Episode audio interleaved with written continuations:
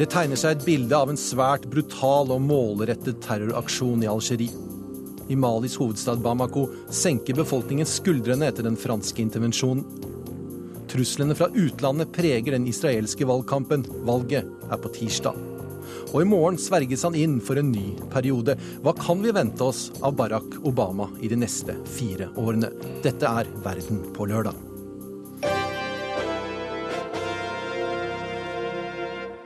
Situasjonen i Algerie har preget nyhetsbildet de siste fire dagene, og også i denne utgaven av Verden på lørdag vil mye dreie seg om Algerie.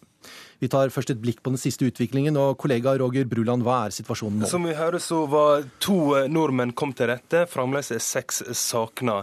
Det har sikkert eh, med å gjøre at eh, rundt 100 internasjonale arbeidere ble løslatt i går. Nå vil vi kanskje få mer historier, mer vitnesbyrd om hva som har skjedd. Dette er en uavklart situasjon. Militæroperasjon, jakta på disse terroristene fortsetter inne i det her høyeksplosive gassraffineriet politiet. Vi vet ikke hva som skjer. Det vi vet er at terroristene de snakker til sine nyhetsbyrå, prøver å få det her til å se så stort og blodig ut som mulig, mens eh, algeriske myndigheter prøver å, å snakke det her ned.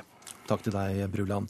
Eh, kollega Raymond Lidahl, du er også her i studio, og velkommen til deg. På grunn av dine språkkunnskaper har du brukt de siste timene til å studere arabiske nettaviser.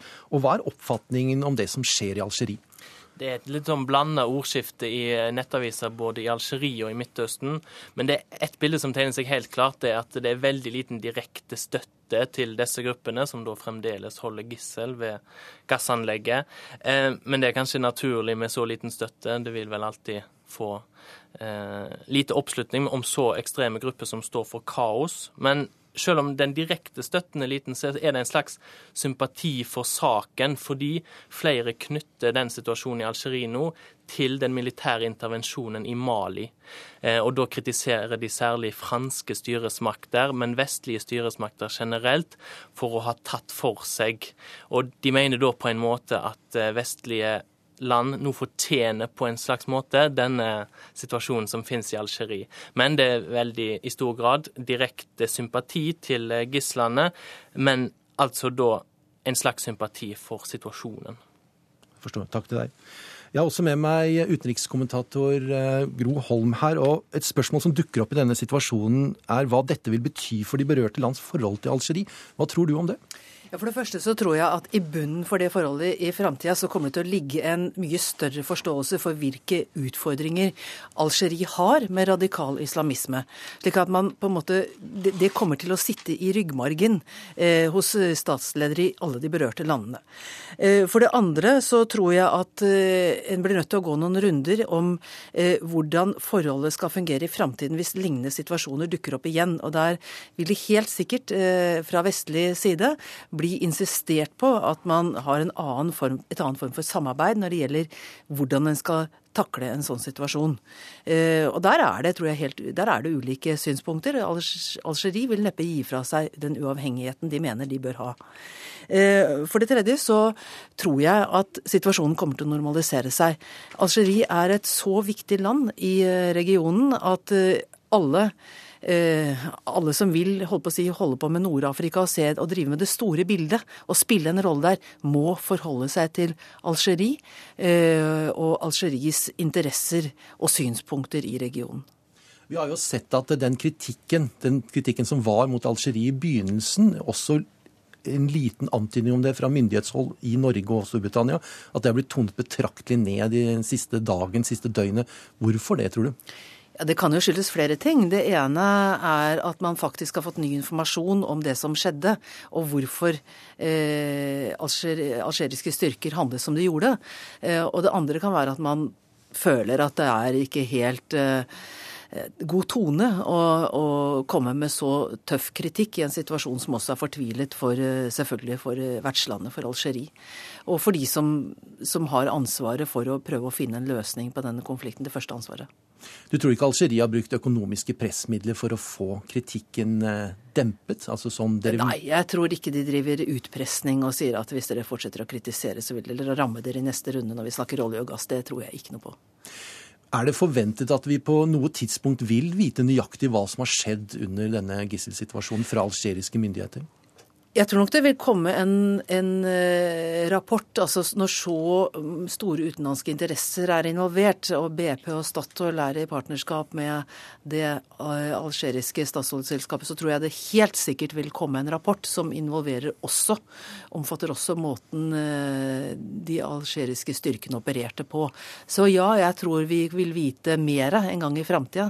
Det kan godt komme til å ta en stund. Vi vet jo slett ikke når denne operasjonen er over. Vi vet ikke. Det kan bli en langdrygg eh, affære, selv om det bare er noen få gisler igjen. Så, men jeg tror vi vil vite mer, ja. Takk til deg, Gro Holm.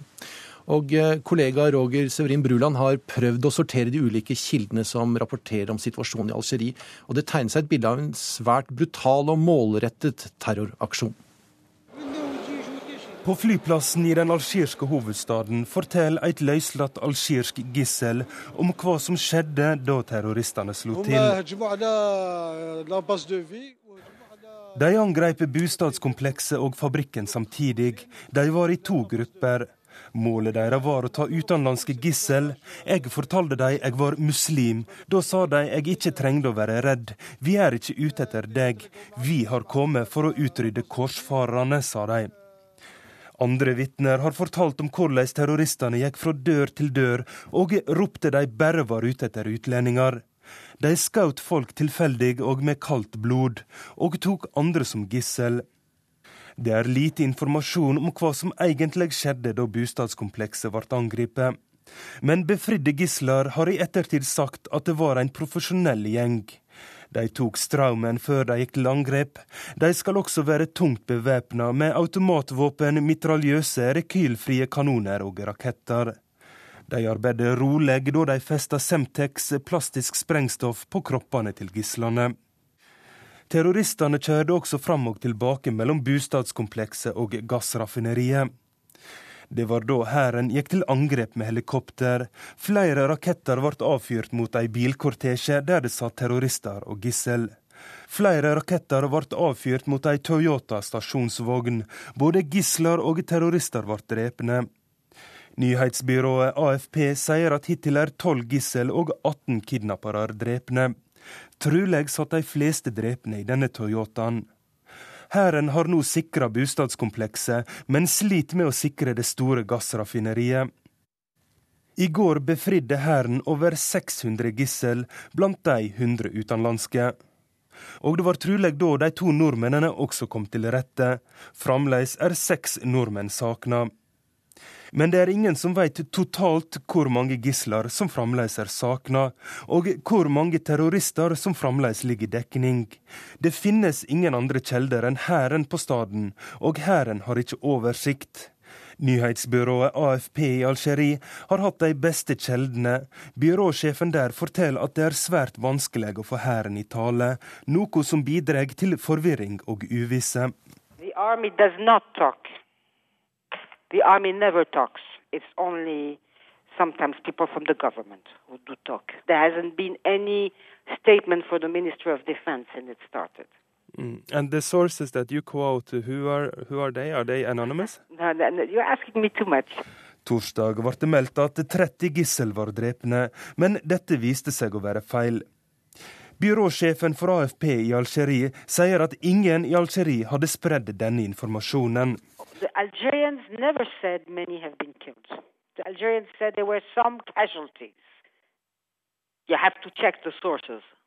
Men det som er klart, er at hæren fremdeles jakter på terrorister inne på anlegget. No Sikkerhetsstyrkene har fått kritikk for å gå for hardt til verks i jakta på terroristene. Den amerikanske utenriksministeren Hillary Clinton ber om at en gjør alt en kan for å verne om menneskeliv um, Algerian and um, expatriate foreign hostages. Samtidig vil Hillary Clinton nå trappe opp krigen mot militante islamister i Nord-Afrika og Sahara. It is absolutely essential that while we work to resolve this particular terrible situation, uh, we continue to broaden and deepen our counterterrorism cooperation, something that the foreign minister uh, and I discussed at some length. Men de gisler som har blitt befridde, takker hæren for den resolutte innsatsen, som disse britene som ble intervjua av algerisk fjernsyn i går. Very, very relieved to be out. Yes. Obviously. Um, Uh, what do you think about uh, the helping of the army, Algerian army? fantastic. Yes. Um, never been so relieved. Men en må også belage seg på at mange arbeidere på gassraffineriet aldri vil komme hjem igjen. Ved sykehuset i Inamenas kunne en fotograf fra AFP se en lastebil levere kister. Vi beveger oss vekk fra situasjonen i Algerie over til nabolandet og en situasjon som kan være koblet til terroraksjonen ved gassanlegget. Den franske intervensjonen i Mali har nå vart siden 11. januar, og hovedstaden Bamako ser nå ut til å være trygg. Korrespondent Lars Sigurd Sunnanå kom til Bamako i går og har i dag levert denne rapporten. Her i Bamako senker folk nå skuldrene og puster lettet ut ettersom det blir mer og mer klart at den franske innsatsstyrken har fått stanset islamistenes fremrykning mot hovedstaden, som har rundt tre millioner innbyggere. Franske flagg til å henge på bilene selges som varmt hvetebrød på en rekke gatehjørner. Den gamle kolonimakten har vel aldri vært så populær her som nå. Folk jeg har snakket med, forteller om mange familier som hadde pakket kofferten og var klare til å flykte sørover til naboland Guinea om islamistene skulle ha nådd Bamako. Malis innbyggere, det er nær 17 millioner av dem, er muslimer men de er ikke på noen måte åndsfrender med de ytterliggående opprørerne som ønsker å innføre strikte sharialover i denne vestafrikanske nasjonen. De franske soldatene har nådd sitt første viktige mål, å få stanset islamistenes fremrykning sørover mot hovedstaden. De to viktige strategiske byene Konna og Diabeli er gjenerobret. I byen Segou lenger sør kontrollerer franske soldater en viktig bro som islamistene trenger for å krysse Nigerelven, slik at første fase av den militære intervensjonen må kunne sies å ha lykkes. Neste fase, å drive islamistene ut av byene og ørkenområdene i nord, er et landareal på størrelse med Frankrike og Belgia til sammen, fordrer nok en langt mer komplisert og tidkrevende militær operasjon. Og vi har nå med oss eh, korrespondent Lars Sigurd Sunnanå fra Bamako. Og Sunnanå, vi, vi får stadig meldinger om at franskmennene og hæren i Mali får støtte fra utlandet. Hvilken betydning har denne støtten? Ja, Det er klart at det hjelper internasjonalt å få anerkjennelse for den militære intervensjonen. Men på bakken er det jo ikke så veldig stor støtte Frankrike har fått, iallfall ikke fra vestlige land. Derimot så bygges det jo nå opp en vestafrikansk fredsstyrke på opptil 5000 soldater fra Nigeria, Tsjad, Benin, Ghana, Niger, Senegal, Burkina Faso og Togo. Men hvor raskt denne kommer på plass, og hvor effektiv den er, er jo et, et åpent spørsmål. Men fra Europas side, fra EUs side, så blir det jo nå sendt 500 offiserer som skal prøve å instruere og trene opp Malis egen her som ligger nede for full telling. Også det kan ta tid. Så når man da går løs på de store landområdene nord i Mali, er et åpent spørsmål, selv om franskmenn nå altså har klart å stabilisere situasjonen, slik at landet på en måte fortsatt er delt mellom sør og nord. Hva mener lokalbefolkningen om det som foregår? Ja, de følger med de følger med på fjernsyn, og det er klart at det, det, har skremt en stor del av befolkningen, det som har skjedd. Men uh, i det store og hele så er det iallfall veldig rolig nå her i Bamako. Kan det være mulig for eh, Frankrike å gjennomføre denne aksjonen og så trekke seg ut igjen? Nei, Det kan være et spørsmål altså I første omgang så har man altså stabilisert situasjonen. Så er det da oppbyggingen av denne vestafrikanske fredsstyrkningen det står og faller med om Frankrike må ta jobben med å drive ut islamistene alene, eller om den nå overlater etter hvert da dette til denne fredsstyrken som FNs sikkerhetsråd har gitt klarsignal for. Men det kan altså ta tid å få gjort dette, og regntiden nærmer seg Mali. Om en fem-seks uker så blir det nesten umulig å drive krigføring i de områdene hvor islamistene har kontroll. Takk til deg, Lars Sigurd Sunnanå i Mali.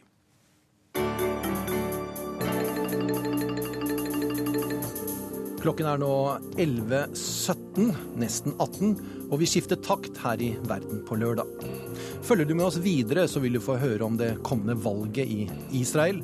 Du vil få høre om Barack Obama og hans fire neste år, og også en god del om tidligere innsettelser av presidenter. Du vil høre at eh, Petrobras i Brasil sliter nå veldig uh, mye pga. politiske kluss. Og cubanere får nå lov til å reise ut av landet og inn igjen. Det er nytt for dem. Og brevet skal du også fra, fra få i dag. Og det er fra Hege Moe Eriksen i Brussel.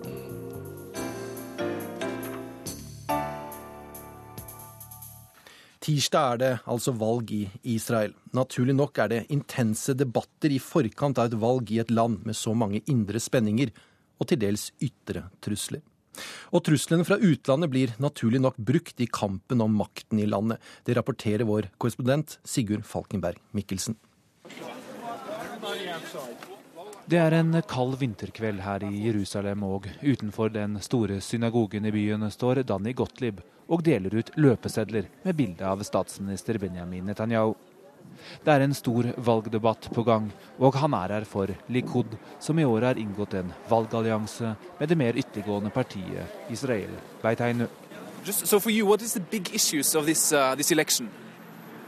Well, I think the big issue is who's going to be running the country. Who do you want at the uh, at the steering wheel of the car or at the uh, the rudder of the ship? Hele valgkampen fra Netanyahus side har dreid seg om dette, at han er best egnet til å styre landet. Han har spilt på trusler utenfra fra Iran, Hamas og Hizbollah, og framhevet sine evner til å styre, men uten at noen nye ideer er lagt fram. Valglisten med Likud og Israel Beiteinu har ikke engang formulert et tydelig program for dette valget. Gjennom å gå sammen regnet de med å få et solid utgangspunkt for å danne en ny koalisjon og fortsette mer eller mindre som før. Men det var inntil en nykommer dukket opp. Here, it's saying uh, a vote for small party weakens Israel. Is that aimed at anyone in particular?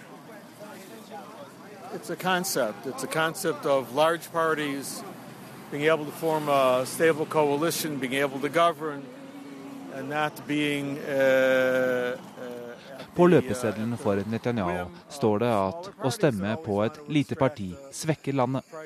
Og når jeg spør Gottlieb om det dreier seg om noen spesielle småpartier, svarer han at det er et konsept, en måte å tenke politikk på. Israel har flere småpartier som representerer særinteresser. Men denne gangen har Netanyahus liste også blitt utfordret på ytre høyre av den unge Naftali Bennett og hans parti Det jødiske hjem. Det spiser av regjeringsalliansens stemmer. På noen meningsmålinger får ikke Netanyahu mer enn 32 medlemmer i den nye nasjonalforsamlingen, mens Bennets parti har steget jevnt og trutt. Og i de siste meningsmålingene er det oppe i 15 representanter i Knesset. Uh, the Likud, the, the etc., all support establishing a Palestinian state within the land Israel. I vehemently oppose it. I think it. Bennett er den eneste partilederen som stiller på denne debatten, og han høster applaus fra den høyredominerte forsamlingen. Han er ung, en vellykket forretningsmann, snakker om sosial rettferdighet, muligheter for alle, og at han ikke, absolutt ikke, vil ha noen palestinsk stat. I stedet foreslår han å annektere 60% av den okkuperte Vestbredden, det som under Oslo-avtalen blir kalt C-områder, og gi resten av palestinerne et begrenset selvstyre. Han støtter bosettingene og var tidligere leder av bosettingsorganisasjonen. Og han får gjennomslag og gehør. For første gang har en religiøs sionist mulighet til å gjøre det virkelig stort i et israelsk valg. Bennett surfer på en generell høyredreining i hele Israel. Samlet ser høyresiden her ut til å få om lag 70 av de 120 representantene i Knesset, mens venstresiden er marginalisert og splittet, noe en av fotsoldatene til ytre venstrepartiet Meretz vet altfor godt. But it, it seems that uh, right now the uh, the right wing parties are, are completely in control of. Yeah, yeah definitely. yeah, so, and what does this mean for the future of, of your country? I think that bad things. I don't know exactly. I mean, I don't know if it's going to change or. Også Etal Altzer deler ut løpesedler utenfor synagogen, og han ser ikke videre optimistisk på framtiden. Han tror at høyrekoalisjonen på sikt ikke vil gjøre landet godt, og han tror israelerne kommer til å merke det. Ja, og det var Sigurd Falkenberg Mikkelsen som hadde levert denne reportasjen. Barack Obama tar mandag fatt på sin andre periode som USAs president. Han tas allerede i ed i morgen i en privat seremoni i Det hvite hus, fordi datoen for hans første periode løper ut da. Obamas støttespiller håper på en ny folkefest på mandag som opptak til en presidentperiode de håper vil gi Obama et ettermæle med historisk klang.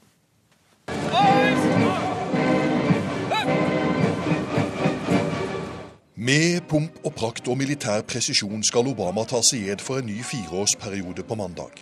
Det har vært øvet i dagevis her i Washington på den høytidelige presidentinnsettelsen. Selve seremonien skjer utendørs foran kongressbygningen. Sist gang for fire år siden ble det en smule krøll da eden skulle avsis.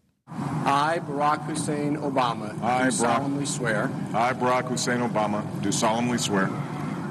That I will execute the office of President to the United States faithfully. That I will execute the off faithfully the, pres the office of President of the, the United office of President States. of the United States faithfully.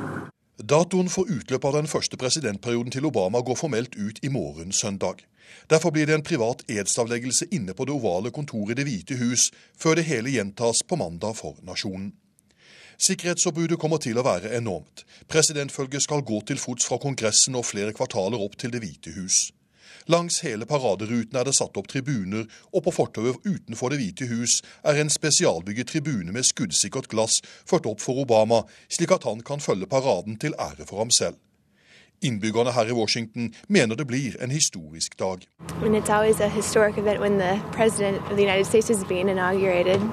Um, it's his second term, so I don't know if it'll be as big of a hoopla as it was the first time around, but I definitely still think it's a huge event. Oh, the inauguration? I think it's really excellent. I'm really excited that Obama got elected for a second term, so it's exciting to be in DC at this time.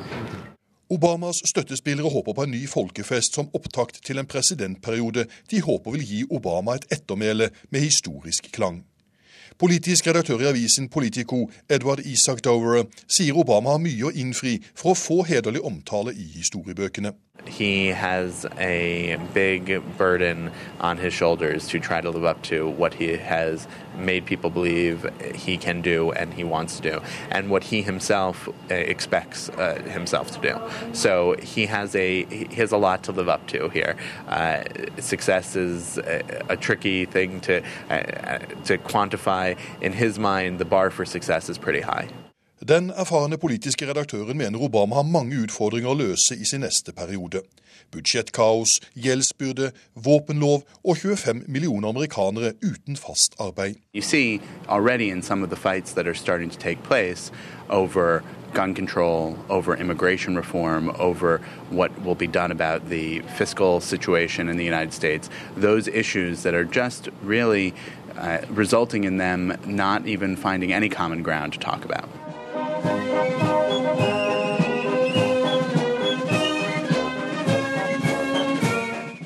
De neste to dagene handler det imidlertid om seremonier her i Washington.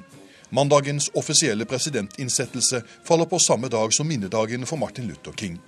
Flere tror Obama kommer til å understreke dette i sin tale, etter han etter tidsskjema klokken fem på seks mandag ettermiddag norsk tid avlegger sin presidented. Og om kvelden blir det presidentball i et stort kongressenter her i amerikanernes hovedstad. Festlighetene er ikke like omfattende som sist. Obama har varslet at han stikker innom tre ball som holdes i samme bygget i hver sin etasje.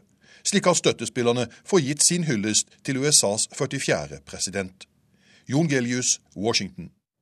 Obama går inn i sin andre periode i Det hvite hus med en store ambisjoner, men i et svært vanskelig politisk klima.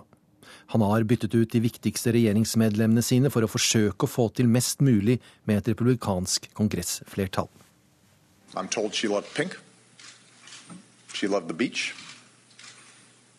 She dreamed of becoming a painter. Chris, her father, uh, gave me one of her paintings. President Obama forteller om sju år gamle Grace, som likte rosa og å tegne. I en følelsesladd tale la presidenten på onsdag fram en av sakene han virkelig vil satse på de neste månedene. Strengere våpenlover.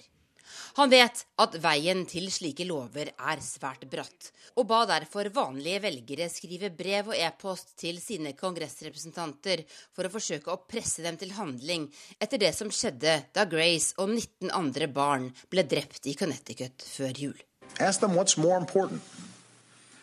Doing whatever it takes to get a, a A grade from the gun lobby that funds their campaigns, or giving parents some peace of mind USAs president står overfor mange og store oppgaver når han i morgen tar fatt på sine siste fire år i Det hvite hus. Han har Kongressen mot seg og skal operere i et handlingslammet Washington, der lovgiverne har vært ute av stand til å bli enige om noe som helst, selv om USA står oppe i en svært vanskelig situasjon. Obama har imidlertid stadig ambisjoner om å forandre USA, og en strengere våpenlov er et slikt forsøk på forandring. Det samme vil en lov som hjelper minst 11 millioner illegale innvandrere være. Obamas forrige forsøk på immigrasjonsreform strandet i Kongressen i 2010. Nå vil han forsøke på nytt, for et overveldende flertall av latinamerikanske velgere ga ham sin støtte sist november. Obama vil trolig forsøke å haste slike forslag gjennom Kongressen så snart som mulig. Slik vil han bruke det han måtte ha av momentum når han nå går inn i sin andre periode. For velgerne krever handling, forklarer NBCs politiske kommentator David Gregory. Right, the public wants results, uh, and they want results in their jobs, uh, in their lives. Uh, they want the government just to work better. Økonomien vil imidlertid være den viktigste saken. Serving in your administration has allowed me to live out those values my parents instilled in me, and I look forward to continuing with the challenges ahead. I forrige uke presenterte Obama mannen som skal hjelpe ham i de fastlåste budsjettforhandlingene med Kongressen. Queens, uh, Stabssjef Jack Lew er på ingen måte et overraskende valg. Han har sterk økonomisk kompetanse og har erfaring med å forhandle med en republikansk-ledet kongress fra sin tid som budsjettdirektør for Bill Clinton.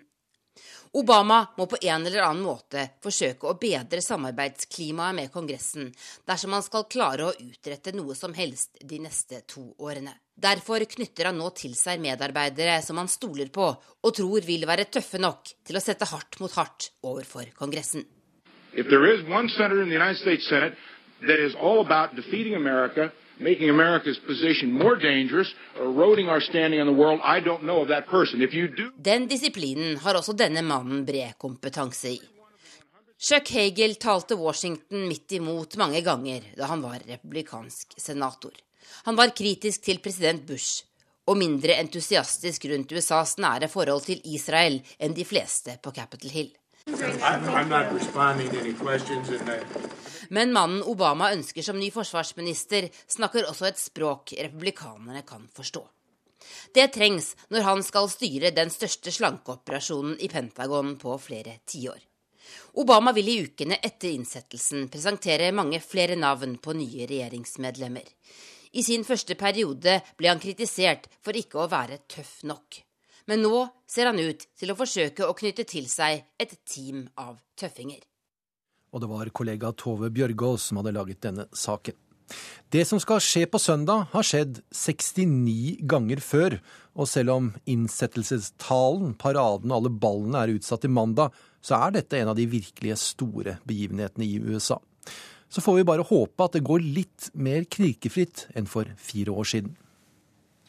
I, Barack Hussein Obama, I, do Barack, solemnly swear I, Barack Hussein Obama, do solemnly swear that I will execute the office of President to the United States faithfully, that I will execute the off- faithfully the, pres- the office of President of the the, office United of States, President of the United States faithfully, and will, to the best of my ability, and will, to the best of my ability, preserve, protect, and defend the Constitution of the United States. preserve, protect, and defend the Constitution of the United States. So help you God. So help me God. Congratulations, Mr. President.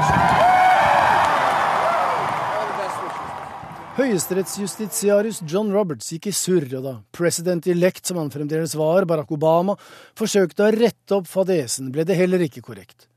Ordet 'faithfully' ble stokket om, så for å være helt sikre så ble prosessen gjentatt dagen derpå i en privat og lukket seremoni, kun med et dokumenterende stillsbilde og et dårlig lydopptak. Solemnly swear that I will faithfully execute the office of President of the United States. That I will faithfully execute the office of President of the United States. And will Akkurat denne eden, de 35 ordene hvor den påtroppende presidenten enten bekrefter, altså affirm, eller sverger, swear, at han, eller hun, vil utføre jobben som president med besluttsomhet og etter beste evne bevare, beskytte og forsvare Grunnloven.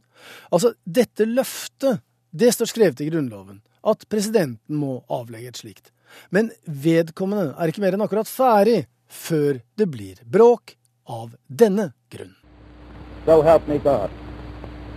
So help me God. So help me God. So help me God. So help me God. So help me God. So help me God. Congratulations. USA er en sekulær stat der religion er en privatsak. Derfor blir disse fire ordene So help me God sagt som en privat liten bønn av den enkelte og svært så nyinnsatte president, etter at den grunnlovsfestede teksten er ferdig gjentatt, så den har derfor ingenting med den konstitusjonelle og formelle edsavgjørelsen å gjøre. Derfor kan også den valgte legge hånden på Bibelen når, til nå altså, han avlegger eden, for Grunnloven sier ingenting om hvor og hvordan, bare at eden skal avlegges.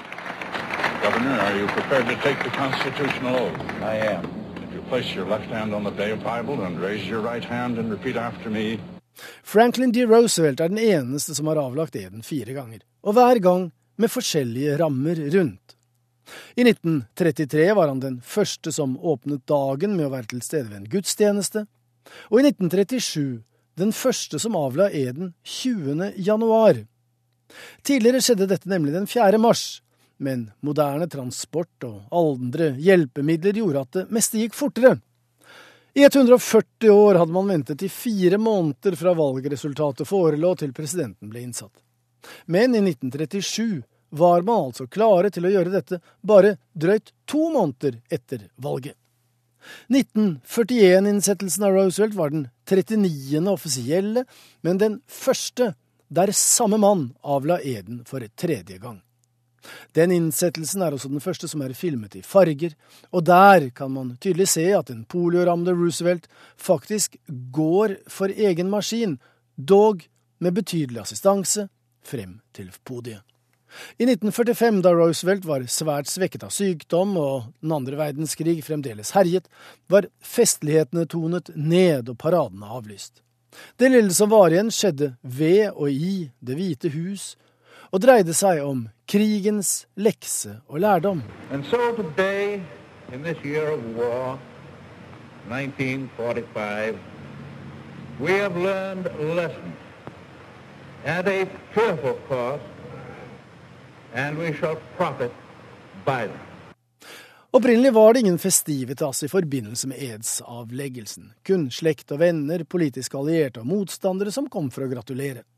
Det var blomster og flagg, det ble etter hvert musikk og noen hilsningstaller, og så ballet det på seg. Det hele ble satt i system med måltider og inviterte gjester, faste innslag og høytideligheter. Systemene ble til ritualer, og arrangementet fikk en fast kongressseremonikomité. Evenementet har aldri stivnet, men stadig fornyet seg, i pakt med tidens nyvinninger og moderne oppfinnelser som elektrisk gatelys og bil. Disse endringene er registrert og notert i detalj for historiebøker og for nerdene, samtidig som noe er stabilt, som Hail to the Chief, presidenthymnen gjennom snart 200 år.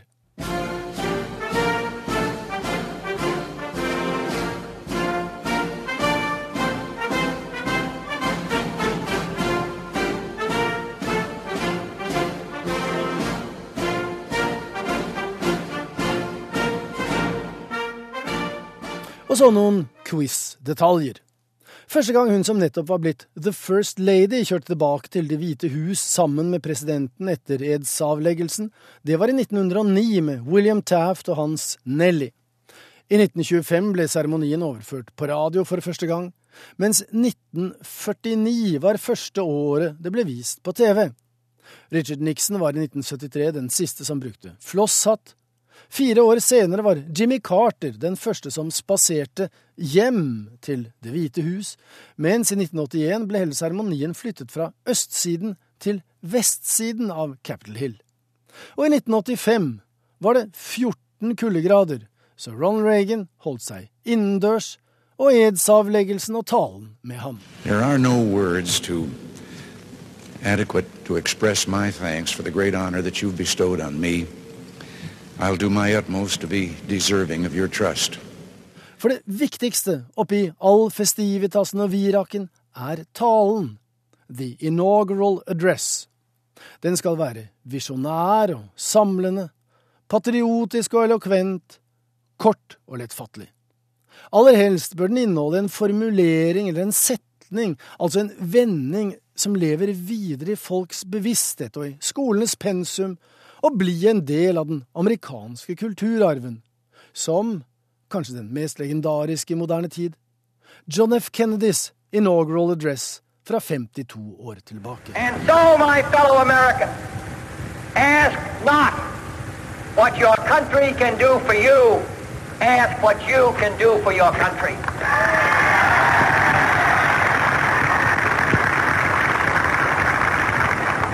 My fellow citizens of the world, ask not what America will do for you, but what together we can do for the freedom of man.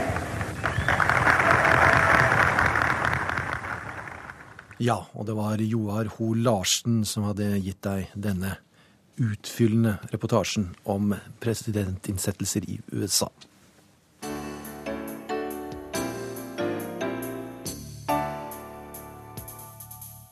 Det brasilianske oljeeventyr er et uttrykk vi er blitt vant til å høre, og ingen tviler på at mulighetene i Brasils oljesektor er enorme.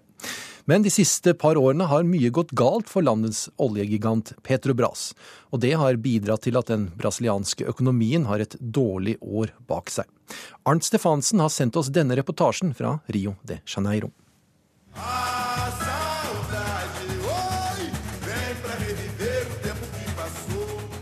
Det burde vært en stjernestund for Brasil.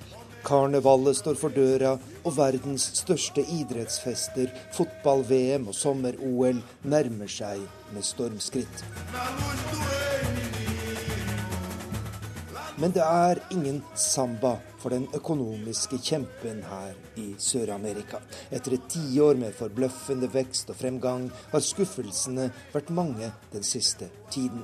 Og ferske tall viser at den brasilianske økonomien bare vokste med én fattig prosent i året som gikk.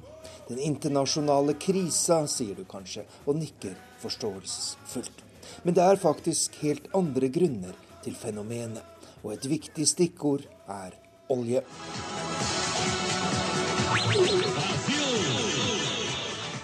Brasils viktigste markedsplass, børsen i Sao Paulo, for to år siden. Med en begeistring som for en nasjonal fotballseier feirer landets finanselite at oljegiganten Petrobras har fått i havn verdens største kapitalutvidelse. Svimlende 400 milliarder kroner har investorene lagt på bordet, og ingen er i tvil om at det er god butikk. Midt i forsamlingen står daværende president Lula da Silva kledd i oransje oljearbeiderjakke med et brasiliansk flagg på brystet, og sier han vil fortelle en god historie. Sete horas da noite chega o Estrela e o Gabriele na minha sala com um monte de papel. En kveld kom toppsjefene i Petrobras inn på mitt kontor med en masse papirer og fortalte at Brasil hadde gjort det største oljefunnet i verden i dette tusenåret. De var begeistret og opprømt og sa at dette måtte jeg holde helt kjeft om, det ville de også gjøre. Jeg fikk ikke engang lov å si det til kona. Men neste dag sto hele historien i avisen, gliser presidenten, og forsamlingen bryter ut i latter. I dag er det ingen investor som ler når de tenker på seansen for to år siden. For i fjor ble Petrobras store aksjeutvidelse utpekt som årets verste globale oljeinvestering av nyhetsbyrået Bloomberg. Brasils oljegigant er i dyp krise. Aksjekursen har falt med 25% på to år. Produksjonen har falt for første gang på lenge. Og i fjor høst opplevde selskapet sitt første negative kvartalsresultat på 13 år. Den viktigste årsaken er at pengebingen Petrobras er blitt brukt av utgiftskåte politikere til å løse en rekke av landets problemer.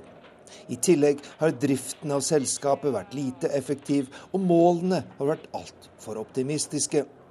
Tidligere Statoil-sjef Kjetil Solbrekke, som nå er leder for Sintef her i Brasil, sier han forstår politikernes styringsiver. Det har vært et stort ønske om å bruke det politisk, eh, og Petroas er er noe som alle brasilianere er veldig stolte av. Og jeg mener jo også de har stor grunn til å være stolte av det. Det er, et, det er i, i store, stor grad et veldig veldrevet og ordentlig oljeselskap.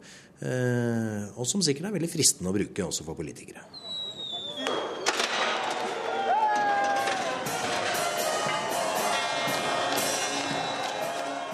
For de mer enn 100 norske selskapene som er engasjert i oljebransjen her i Brasil, er krisa i Petrobras dårlige nyheter. Og mange opplever usikkerhet pga. situasjonen i selskapet. Man setter nå sin lit til at den nye Petrobras-sjefen Grasa Foster vil greie å snu skuta og få politikerne til å holde fingrene av fatet. Kjetil Solbrekke mener krisa kan være nyttig og nødvendig for å få til endringer i selskapet. Ressursgrunnlaget er veldig stort. Eh, Brasil trenger å vokse. Jeg tror at regjeringen føler det er et stort problem når Petrobras ikke når sine produksjonsmål. Og det er jeg helt sikker på at det blir lettere for Petrobras-sjefen å få forståelse for nødvendige grep som må gjøres, som kanskje også eh, går løs på de politiske målsettingene med, med å bygge den lokale industrien, og hvor raskt du skal gjøre dette. Petrobras og Brasil er nede i en bølgedal. Og i øyeblikket er det få som snakker om det mye omtalte brasilianske oljeeventyret. Men knapt noen ekspert tror dette er en varig nedgang. For landet har enorme oljereserver under havbunnen, og har alle forutsetninger for en god økonomisk utvikling i årene fremover. Sintef-sjef Kjetil Solbrekke ser også muligheter for norsk industri i den store snuoperasjonen Petrobras nå er i gang med. Vi samarbeider nå om løsninger som kan gjøre selskapet mer effektivt, sier han. Vi har kalt det for Rig of the Future. Hvordan vil en framtidig borerigg eh, se ut? Kan du automatisere mer av arbeidet? En sånn borerigg koster jo eh, fra 1 til 2 millioner eh, dollar om dagen å holde i drift. Så det er klart alt som gjør at den utnyttes veldig effektivt, er veldig vesentlig. Samba-økonomien har tatt en pause her i Brasil. Men mange tror vendepunktet er nær. Og karneval skal det bli, krise eller ikke.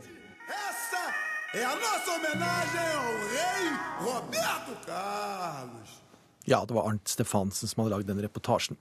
Cubanerne har fått tilbake en frihet de tapte for over 50 år siden. 14.1 trådte nye reiseregler i kraft, og nå er det ikke lenger nødvendig å søke myndighetene om tillatelse til å ta seg en tur til utlandet. Cubanere har stått i kø denne uken utenfor passkontorer, reisebyråer og utenlandske ambassader. Men de klager ikke. Tvert imot. Dette er bra for meg og alle andre. Vi kan dra hvor vi vil og komme hjem igjen uten å miste det største vi har, vårt cubanske statsborgerskap, stråler Marta Diaz. Hun har akkurat levert sin passøknad. Som cubanere flest gleder hun seg over sin nyvunne reisefrihet. Siden revolusjonen for 54 år siden har cubanere vært underlagt strenge utreisebestemmelser. Nå har vi muligheten til å besøke andre land og se andre steder. For et privilegium våre ledere har gitt oss, sier Yasser Hernandez. Han har stått i kø utenfor Mexicos ambassade for å få seg et turistvisum dit. Friheten til å kunne reise er utvilsomt et av de mest populære reformtiltakene Raúl Castro har innført siden han tok over etter sin bror Fidel som Cubas president. Og selv om langt fra alle cubanere har råd til å reise utenlands, så vet de nå at det er en drøm som kan realiseres. Uten å måtte søke om og betale for myndighetenes tillatelse, uten å måtte ha en formell invitasjon fra utlandet, uten å føle seg mistenkeliggjort. Til og med kjente dissidenter som var sikre på at de nye reglene ikke gjaldt dem, har fått seg en overraskelse. Guillermo Farinas, som ble nektet utreise i mange år, har nå fått beskjed om at passet hans snart blir fornyet. Går alt som det skal, drar han til Europa for å ta imot priser han er tildelt gjennom årene, blant annet Sakharov-prisen for 2010. På José Marti-flyplassen i Havanna venter 15 år gamle Sonny Hernandez spent med pass og flybillett i hånden. Før mandag hadde ikke mindreårige lov til å reise fra Cuba uten at det var snakk om permanent flytting med familien. Nå skal hun til Miami.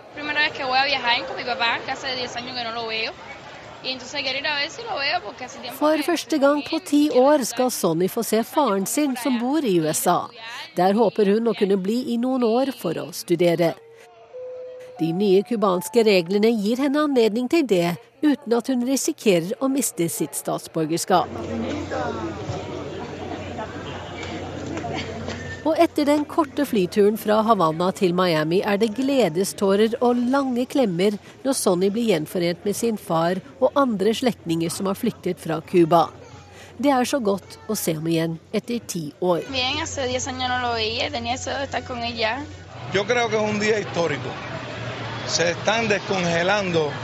Dette er en historisk dag, sier Jesus Sanchez til nyhetsbyrået Reuters. Etter å ha bodd i USA i 35 år tar også han imot etterlengtet familiebesøk fra Cuba, og håper på en oppmykning i forholdet mellom hans to land. For nesten to millioner eksilcubanere blir det nå mindre byråkrati også for dem når de vil på besøk til hjemlandet.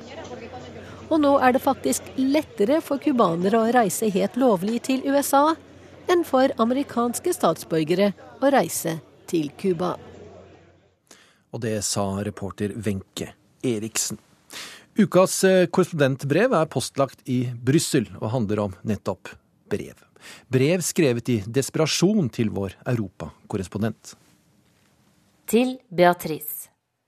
Hvem er du egentlig, kjære Beatrice?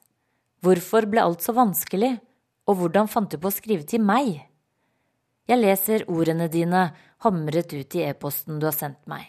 Lange setninger, halve setninger, utropstegn og parenteser, avsnitt i ditt liv, historien om din kamp.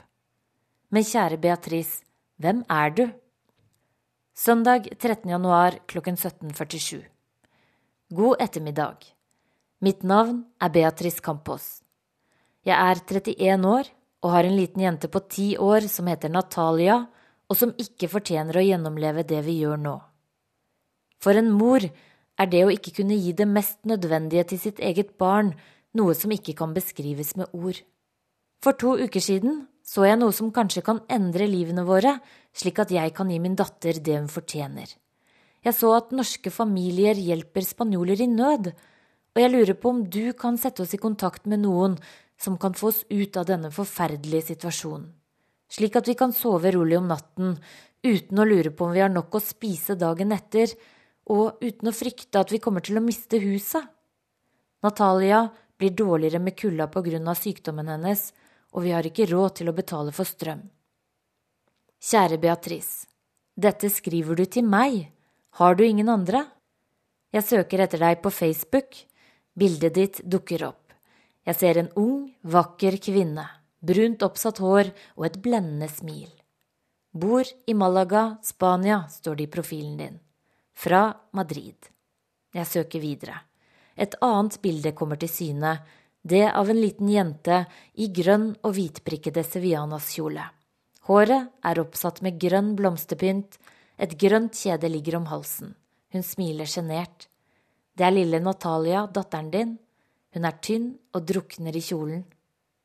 Jeg leser historien din, Beatrice og jeg blir plutselig fylt av motløshet. For innboksen til e-posten min er full av historier som din. Nesten hver uke mottar jeg nye vitnesbyrd. Fortvilte stemmer som roper om hjelp fra et kriserammet Spania. Aldri kunne jeg forestilt meg at reportasjen vi laget for halvannet år siden, skulle utløse dette skredet. Det var i november 2011, og vi dekket en brutal husutkastelse i Madrid. En kvinne og hennes tre små barn, hennes mor og bestemor, klarte ikke lenger betale gjelden på huset. En bitende kald morgen ble de kastet ut. Men norske familier kom til unnsetning og begynte å sende penger for å redde dem unna gata. Siden laget jeg flere reportasjer på denne historien. Etter hvert gjorde også spansk presse det. Og siden den gang sender mange spanjoler meg sine fortvilte historier. Bare denne uka i det nye året 2013 har jeg fått fem e-poster fra fremmede, halvannet år etter at saken ble publisert, og historiene tar ingen ende. 2. januar 2013 klokken 01.49. Hei, Hegmo Eriksen. Jeg heter HC. Jeg har sett på TV hvordan nordmenn hjalp spanjoler, og jeg vil fortelle deg at vi er akkurat i samme situasjon nå. Jeg har kone og to sønner, og har vært arbeidsledig siden 2010. Nå har jeg ikke lenger penger til å betale leien, og de vil kaste oss ut. Hver dag går jeg ut døren, pen i tøyet og med min lille koffert, slik at ungene ikke oppdager at jeg er arbeidsledig, og slik at mulige bedrifter fortsatt vil se på meg som aktiv og verdifull. Hvis jeg bare kunne få meg en jobb, er jeg villig til å flytte hvor som helst. 4. januar 2013 klokken 04.20. Hei, jeg heter Sinta. Jeg er alenemor med en gutt på ni måneder.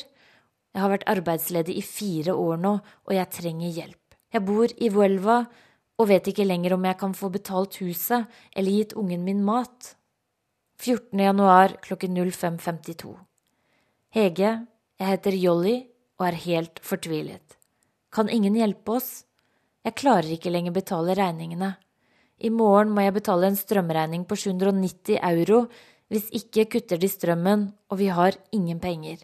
Jeg har fire barn. Kjære Beatrice. Så mange skjebner lik som din. Og jeg tenker over hva det betyr at så mange skriver til meg, en journalist 2000 km unna, i håp om å finne fram til norske velgjørere. Hva sier det om situasjonen at det er jeg som får alle disse e-postene? Hvorfor er ikke mottakerne foreldre og familie i Spania, eller spanske myndigheter, sosialkontorene rundt om i landet, eller spanske hjelpeorganisasjoner? På en måte svarer du på det selv, Beatrice. For mange er det ikke annen hjelp å få. Du skriver til meg at krisa rammet Marbella med full kraft i 2008. Arbeidsmarkedet ble lik en ørken, og selv om folk tørstet etter arbeid, var det umulig å oppdrive. Men foreldrene dine visste råd. De tok opp lån, slik at du kunne starte en egen bedrift, en liten bar for deg selv. Men etter bare ni måneder måtte du stenge. Nå sitter du og foreldrene dine fast i et jerngrep av gjeld med et lån på 15 000 euro. Kanskje mister ikke bare du, men også foreldrene dine huset på grunn av det, og du klandrer deg selv for elendigheten som er påført dere. Fra staten får du nå bare 300 euro i måneden i sosialpenger. Det er rundt 2200 kroner, og det rekker ikke til å dekke strøm, husleie og mat. Og datteren din, som lider av Reynauds syndrom, tåler kulda dårlig. Hun har betennelse i leddene, og smertene blir verre når det er kaldt. Men hvordan sette på varmen når man ikke engang har råd til mat? Jeg har dekket så mange historier som din, Beatrice. I min tid som korrespondent har jeg vært en reisende i krise, og måned etter måned har jeg rapportert om den voksende fattigdommen. Det er nesten så jeg tror folk har gått lei av eurokrisa og høre om dens konsekvenser. Likevel er jeg usikker på om folk virkelig forstår hva det vil si å bli fattig etter å ha hatt alt, hva det vil si å se barnet ditt lide uten å kunne hjelpe, hva det vil si å stå midt i de tunge takene uten å se noe ende på det. Jeg vet ikke om jeg selv heller kan forstå det fullt ut, men det gjør inntrykk å få disse e-postene uke etter uke fra folk som ikke kan noe annet enn å lete etter en vennlig sjel i et annet land. For i Spania er dørene stengte. Krisa har nå vart så lenge at den tærer på lagrene til den spanske velferdsstaten. Arbeidsledighetstrygd utbetales bare i to år. Deretter er det over på sosialtrygd, som nærmest er for en fattigkasse å regne. De som er alene, uten ektemenn eller velstående foreldre, er de som nå er på bunn. Og det er langt ned mye lenger enn før. For noen måneder siden kjørte jeg gjennom gatene i Paris med statsminister Jens Stoltenberg ved siden av meg. Sosialøkonomen Stoltenberg vet å tolke de økonomiske tegnene i Europa. Arbeidsledigheten blant unge er noen steder opp mot 60% høyere enn under den store depresjonen på 1930-tallet.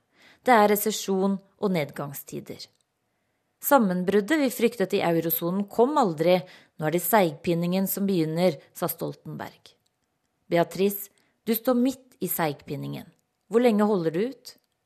Du skriver at noe inni deg dør hver morgen når du ser betennelsessmertene til datteren din, og du ikke har råd til å skru opp radiatoren. Du skriver at jeg ikke kjenner deg, men at du håper at jeg kan hjelpe. Men jeg må bare beklage, jeg kan ikke det, jeg vet ikke om flere norske velgjørere, og jeg er bare en journalist. Det eneste jeg kan, er å fortelle disse historiene. Og kjære Beatrice, det er det jeg gjør nå. Ja, og ukens brev var fra Hege Moe Eriksen. Og når vi snakker om brev, av en eller annen grunn, så går det også an å lese brev, ikke bare høre dem her i NRK Radio. På våre nettsider kan du ikke bare lese dette korrespondentbrevet, du finner også bilder av Beatrice, datteren Natalia og flere av de andre du hørte om. Verden på lørdag denne gang er over. Teknisk ansvarlig var Beate Haugtrø. Skript var Oda Holm Gulbrandsen. I studio satt jeg, Halvard Sandberg. På gjenhør.